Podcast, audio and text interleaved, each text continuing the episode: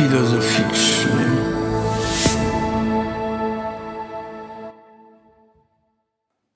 Autobus pogawędnika filozoficznego dotarł do Zakopanego.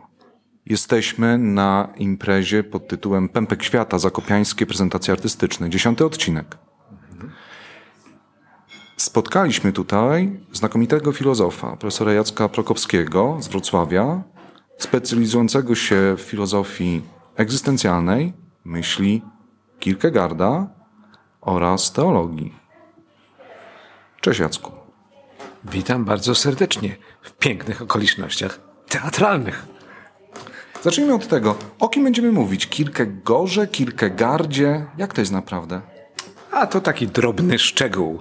Kierkegaard, nie Kierkegaard. Aczkolwiek y, w tradycji naszej przyjęło się mówić Kierkegaard i nie ma w tym żadnego błędu. Mówimy Szekspir, prawda? Zastanawiam się zawsze, dlaczego Kierkegaard jest tak interesującym filozofem. Pytam dlatego, że kiedy studentom wykłada się filozofię, historię filozofii, mówi się o Leibnizu, mówi się o Humie, część osób ziewa, część mówi, dobrze, tego się nauczymy. A kiedy zaczyna mówić, mówić się o Kierkegaarze, Wszyscy nagle odżywają. dlaczego? Jak sądzisz? Dlatego, że tam jest życie. Tam jest egzystencja. Tam jest dokładnie to, co w teatrze Witkacego. Zaraz, a to mi się w ogóle nie, nie skleja z Danią. Płasko, nudno, mokro. Jeden mi dobrze znany, an- no, no, szeroko no. znany Andersen. Tak. I nagle nic z tego nizowego na tej arenie Mhm. e, myśli europejskich wyskakuje sobie jakiś śmieszny Duńczyk. Tak. Chudzina taka, Tak, taka chłopczyna. I kulawy trochę taki. Tak. No i A tu taki dramat wykwiknął. Ja tu, weź nas trochę tutaj w to wciągnij. Jak to, no właśnie, bo tutaj trzeba skupienia, tu trzeba wewnętrznej jakiejś, e, wewnętrznego poznania. E, Tu nie można właśnie spoglądać tylko i wyłącznie na to, co zewnętrzne, o czym Kierkegaard nieustannie mówił i podkreślał, na to, co obiektywne, na to, co dotyczy wszystkich, tylko właśnie trzeba wejść w meandry duszy.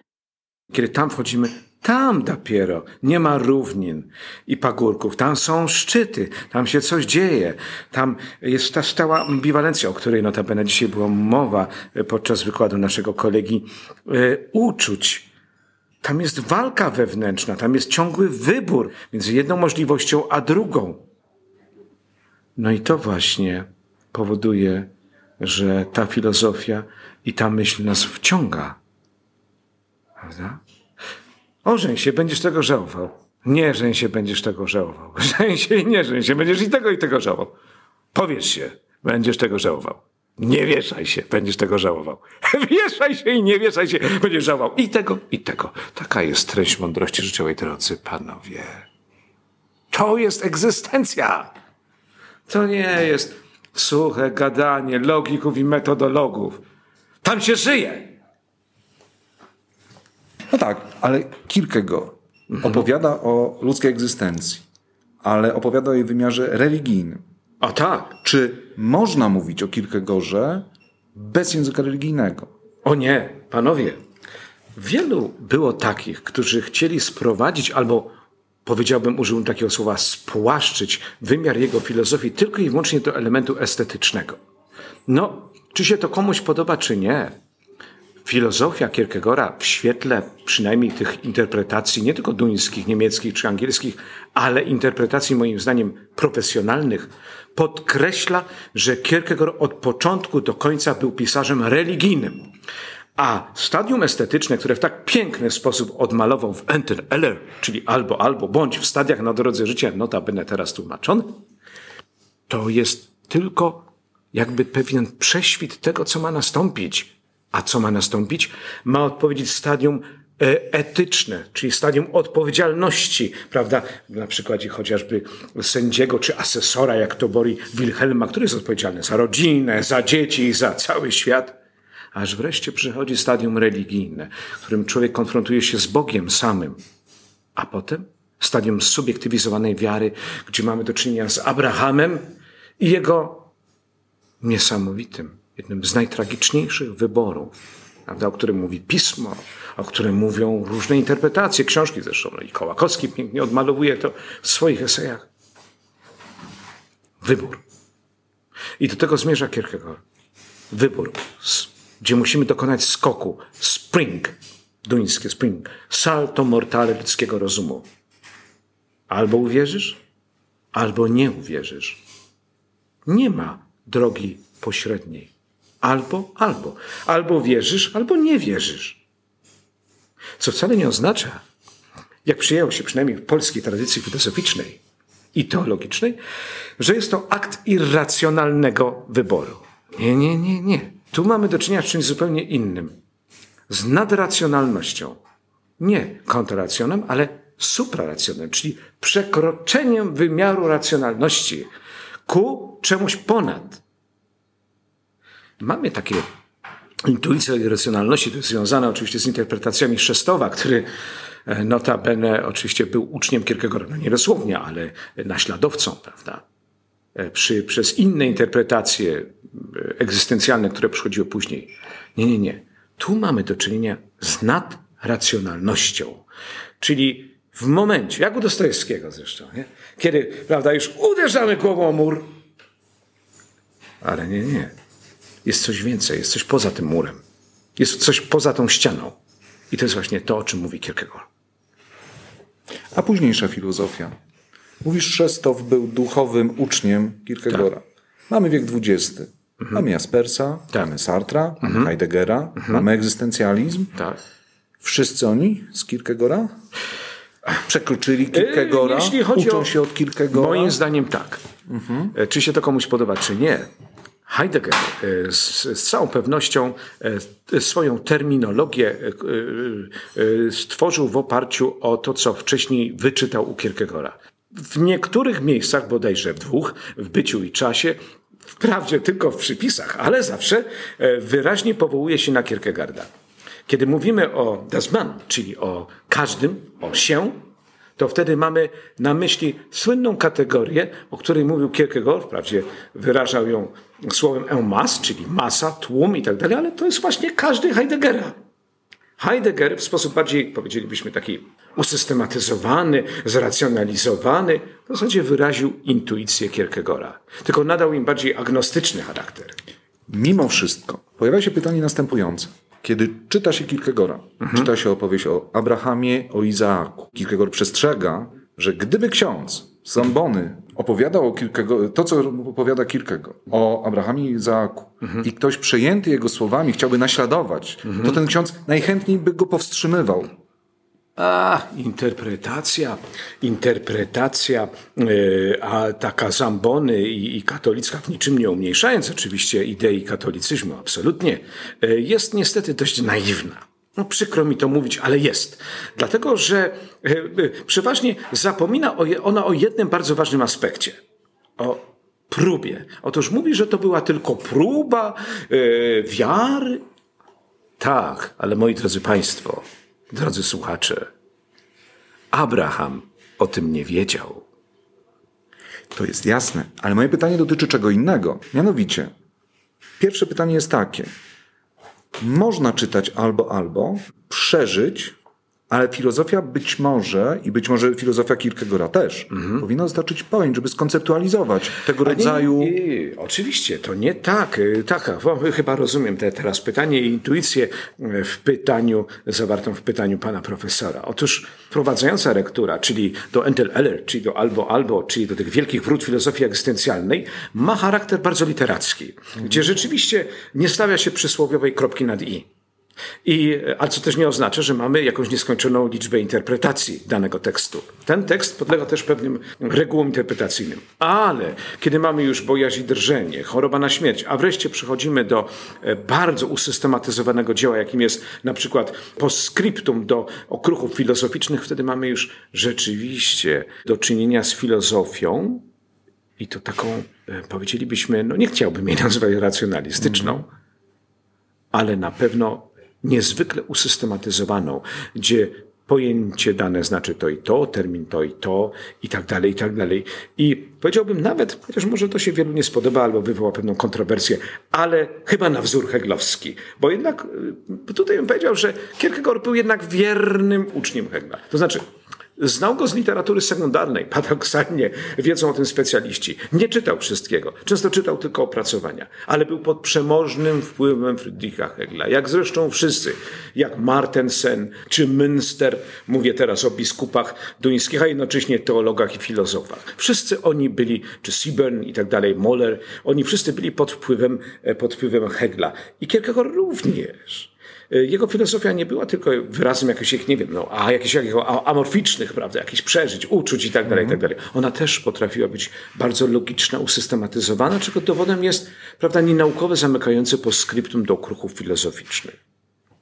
I tu pojawia się drugie moje pytanie. Czy to jest tak, że Hegel, Kierkegaard to dwaj antagoniści, dwie skrajności?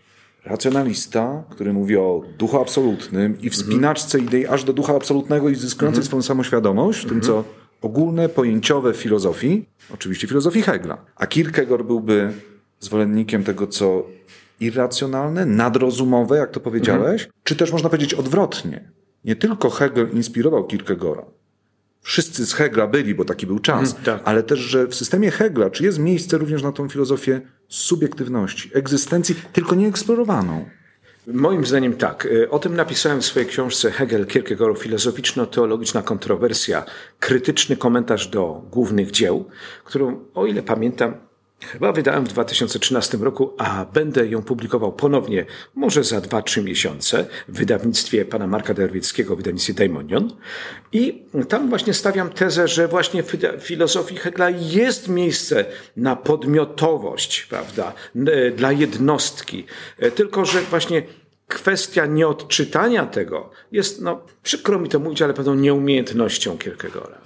Dlatego, że tak, tak jak powiedziałem, Kierkegaard był pod wpływem różnych interpretacji i e, czytał Hegla nie bezpośrednio. Często czytał go właśnie poprzez już zapożyczone wcześniej e, takie, a nie inne e, interpretacje duńskie. I wydaje się, znaczy nie tyle wydaje się, co jestem tego pewien i wspierają mnie w tym różne autorytety, mam tu na myśli Jona Stewarda, czy innych i tak dalej, czy Tulsztrupa, profesora Tulsztrupa, czy niektórzy po prostu piszą o tym wyraźnie, że Kierkegaard znał takie i takie dzieła, pra, prace Hegla, ale nie znał ich wszystkich. Moim zdaniem, gdyby czytał uważnie Hegla, to jednak zmieniłby, mógłby zmienić zdanie. I również tam znalazłby przestrzeń dla rozwoju podmiotowości i uznania tego, co subiektywne, pomimo tej wielkiej konstrukcji, gigantycznej, idealistycznej konstrukcji hegelowskiej. Rozmawiamy podczas dziesiątego Pępka Świata. Zakopiańskie prezentacje artystyczne. Kiedy w 1984 roku pierwszy spektakl Witkacego był Mhm. grany w Zakopanem, to o ile pamiętam byli to pragmatyści. Witkacy Mhm. przestrzegał przeciwko pragmatyzmowi. Tak. Powiadał, pragmatysta to bydle. Jakie widzisz zagrożenia dla myśli Kierkegaarda? Co jej grozi? Bo kiedy przyjeżdża się do teatru Mhm. Witkacego, to tak jakby była to nieustanna, rok po roku, spektakl po spektaklu, próba przypomnienia tego, o czym nauczał również Kierkegaard. Czy musimy ponawiać to pytanie? Czy, e, czy istnieje niebezpieczeństwo, że ono bez tego zaniknie? Czy te siły, które określmy je tutaj bardzo nieprecyzyjnie, pragmatystyczne, zapominające o podmiotowości, o ludzkiej egzystencji, czy dostrzegasz takie niebezpieczeństwo? Jeżeli y, samo pojęcie pragmatyzm u, u, u, tak, w, tak, ubierzemy w, takim, w jakimś takim pejoratywny takie oczywiście e, płaszcz, e, no to, e, no bo nie, nie tu nie chodzi nam o Jamesa i inne implikacje amerykańskie, bo tu nie o to idzie. To e, rzeczywiście no, zagrożenie jest, bo nasz świat jest coraz bardziej stechnologizowany, tak? E, e, Jest e, coraz bardziej w taki uniform jakby przyjął jakiś, prawda? Jest bardziej utylitarny, nastawiony na, na, na jakąś korzyść, grup różnych, wewnętrzną i tak dalej, i tak dalej. Kierkegaard natomiast jest filozofem subiektywizmu, indywidualizmu. Jest filozofem, który który pokazuje wewnętrzne rozbicie, dramat, e, przeżycie, uczucia, czyli to, co najbardziej nam ludzkie. E, W dzisiejszym świecie gubimy człowieka, gubimy indywidualność. E, Nie chcemy zetknąć się z indywidualną rozpaczą, tragedią. Odsuwamy to gdzieś na bok, uciekamy. I interesuje nas tylko właśnie korzyść, pragmatyzm naszych działań, a jakby coraz mniej widzimy y, człowieka. W tym kontekście, o ile y, to pytanie jeszcze dobrze na nie odpowiadam i je rozumiem, w tym kontekście filozofia Kierkegaarda jest niezwykle aktualna i potrzebna. Podobnie jak filozofia Witkacego. Myślę, że tutaj można też po postawić pewną paralelę pomiędzy tymi dwoma myślicielami. Z całą pewnością. Czy to nie jest paradoks, że sztuka kojarzona, przynajmniej, mhm. może niesłusznie, zwłaszcza w perspektywie twórczości Witkacego, mhm. ze stadium estetycznym, tak. łatwego pozoru, jakiejś płochej, cukierkowej opery. Mhm, Być może to ona ocala i przywraca te pytania, o których rozmawiamy. Y, ja bym powiedział tak, że to, co Witkacy robił, to nie była właśnie jakaś pusta gra pozorów, e, że to nie było coś, co było tylko sztuką dla sztuki, o właśnie, jakąś zabawą i niczym więcej. Moim zdaniem zarówno Witkacy, jak i Kierkegaard e, poprzez stadium estetyczne próbowali e, każdy z nich w innych okolicznościach e, historycznych, geograficznych, narodowych próbowali pokazać, że owo stadium jest albo dopiero wprowadzeniem albo też jest niewystarczające i trzeba się wznieść na wyższy poziom. Jaki poziom? No chociażby etyczny, u Kierkegaarda religijny, u Witkacego może ten wymiar nie był aż tak uwyraźniony, ale z całą pewnością był tam obecny ten wymiar i był jakiś prześwit transcendencji, albo jak ktoś nawet woli, transcendentalności. Niczym to nie umniejsza Witkacemu że Kierkegaard wspiął się po tej drabinie z pozoru tylko nieco wyżej, czyli etap etyczny, religijny, czy jak już wspomniałem wcześniej, zobiektywizowanej wiary. To nie było potrzebne w przypadku Witkacego. Swoim malarstwem, swoją, swoim dramatem, e, swoją wypowiedzią. Potrafił tak zaniepokoić czytelnika czy odbiorcę, że ten siłą rzeczy musiał zadawać sobie pytania metafizyczne